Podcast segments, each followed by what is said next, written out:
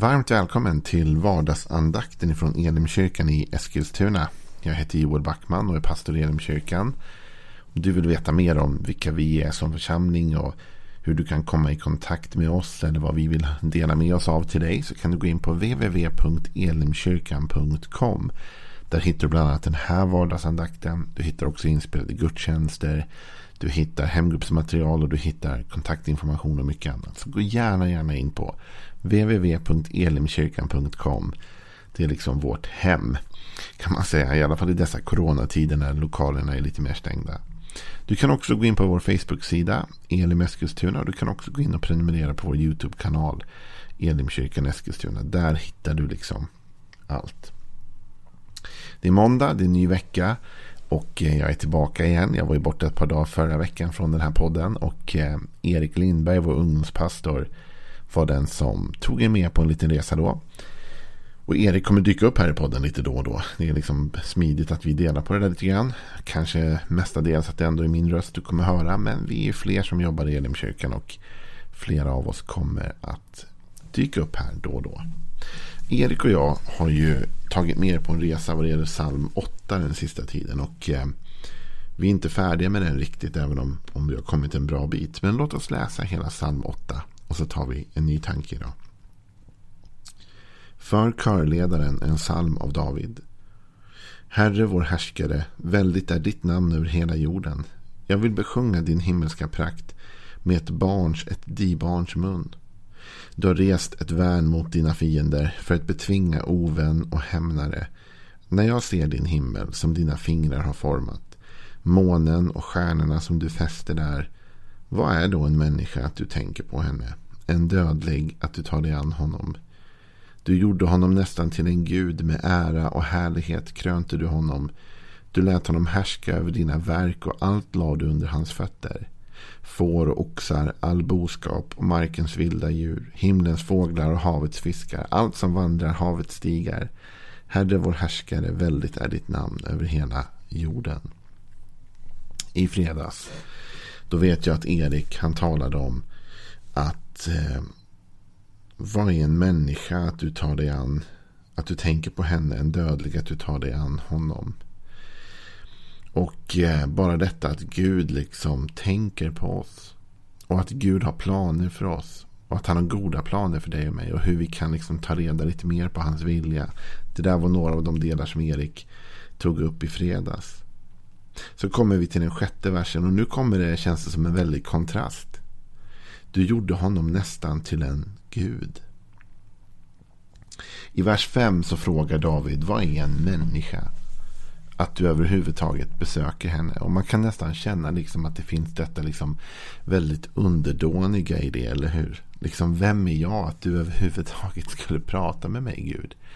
Eh, och så kan vi ofta känna ibland i vår relation, speciellt när vi begrundar som David har gjort här, hur stor Gud är, hur mäktig Gud är. Ja, men när vi begrundar det och när vi ser på det, då är det lätt att vi känner i vårt hjärta, vem är jag att Gud skulle ens tänka på mig eller ta tid för mig eller vilja umgås med mig. Men sen i den sjätte versen när David går vidare dit så säger han Du gjorde honom nästan till en gud. Här förundrar David sig över vad Gud gör och vad han gjorde när han skapade mänskligheten egentligen. Det finns olika bibelöversättningar. Många ju såklart eftersom bibeln är skriven först på hebreiska och sen på grekiska och viss mån arameiska. Och här då så det finns det olika översättningar. Och vissa översättningar säger, om du läser, du gjorde honom lite lägre än änglarna. Till exempel King James tror jag har det. You made him a little lower than the angels. Du gjorde honom lite lägre än änglarna. Men här står det, du gjorde honom nästan till en gud. Och faktum är att kommer man in i, i grundtexten så är det uttryck som används här Elohim. Och det betyder ju Gud. Och det är det uttryck som används faktiskt i första Mosebok direkt i Bibeln. Så står det så här. I begynnelsen skapade Elohim. I begynnelsen skapade Gud. Så i grundtexten så, så talas det om att Gud gjorde oss nästan till sig själv. Gud gjorde oss lite lägre än vad han själv är. Och alltid när man talar om det och när man liksom lyfter upp ett sånt bibelord så måste man på något sätt då eh, liksom skicka in en brasklapp att liksom, nej du är inte som Gud. liksom folk lyssnar på det och jaha, så nu sa pastorn att jag var Gud. Nej, jag säger inte att du, du är Gud. Det finns bara en Gud. Det var ju Bibeln väldigt tydlig med. Och, och judarna var väldigt tydliga med detta i det gamla förbundet. Liksom, Hör Israel, Herren din Gud är en. Det finns bara en Gud. Men han har skapat oss nästan till sig själv. Vi är inte på hans nivå. Vi är inte eviga. Vi är inte allsmäktiga. Vi är inte liksom oövervinneliga. Vi har inte all kunskap. Allt det där visst. Och, och, vi kan inte skapa oss själva. Liksom. Vi är inte Gud. Men vi är skapade nästan till en Gud. Du gjorde honom, säger David, nästan till Elohim, till dig själv. Och det här är inte ett främmande koncept egentligen i Bibeln. Ska vi gå tillbaka och läsa vad som händer när mänskligheten skapas? Så jag har några tankar sen vad det betyder för dig och för mig. Om man slår upp här nu i, i första Moseboks första kapitel och den 26 versen står det. Gud sa, vi ska göra människor som är vår avbild lika oss. De ska härska över havets fiskar, himlens fåglar, boskapen, alla vilda djur och alla kräldjur som finns på jorden. Gud skapade människan till sin avbild. Till Guds avbild skapade han henne. Som man och kvin kvinna skapade han dem. Gud välsignade dem och sa till dem. Var fruktsamma och föröka er, uppfyll jorden och lägg den under er. Härska över havets fiskar, himlens fåglar och över alla djur som myllrar på jorden. Så Gud säger till sig själv Gud är ju en treenig Gud. Han säger till sig själv. Vi ska göra människor som är vår avbild. Lika oss. Det är fascinerande när du läser igenom skapelseberättelsen här från första Mosebok. Och Gud skapar allting. Gud talar liksom och skapar både naturen och han skapar djuren och han skapar all liksom växtlighet och allt detta. Han skapar ljusen, de stora ljusen, solen, månen, allt detta. Men inget av det andra i skapelsen är skapat i Guds avbild. Det är skapat av Gud och det kommer ur Gud, så att säga, ur hans fantasi, ur hans tanke, ur hans vilja kommer ju allt det skapade. Men inget av det är egentligen skapat till hans avbild, utan bara av honom. Men vi är skapade till hans avbild. Vi är ett självporträtt av Gud kan man säga. Om Gud skulle vara en konstnär så kan man säga så här att, att Gud har målat en massa vackra saker. Han har målat en massa natur, liksom eh, eh, naturbilder. Han har målat en massa djurbilder, porträtt. Han har målat en massa vackra saker. Men han har också gjort ett självporträtt. Och det här självporträttet som Gud har målat. Det är liksom du och jag. Det är vi som är självporträttet av Gud det gör oss unika. Det gör oss speciella. Att vi är skapade till Guds avbild.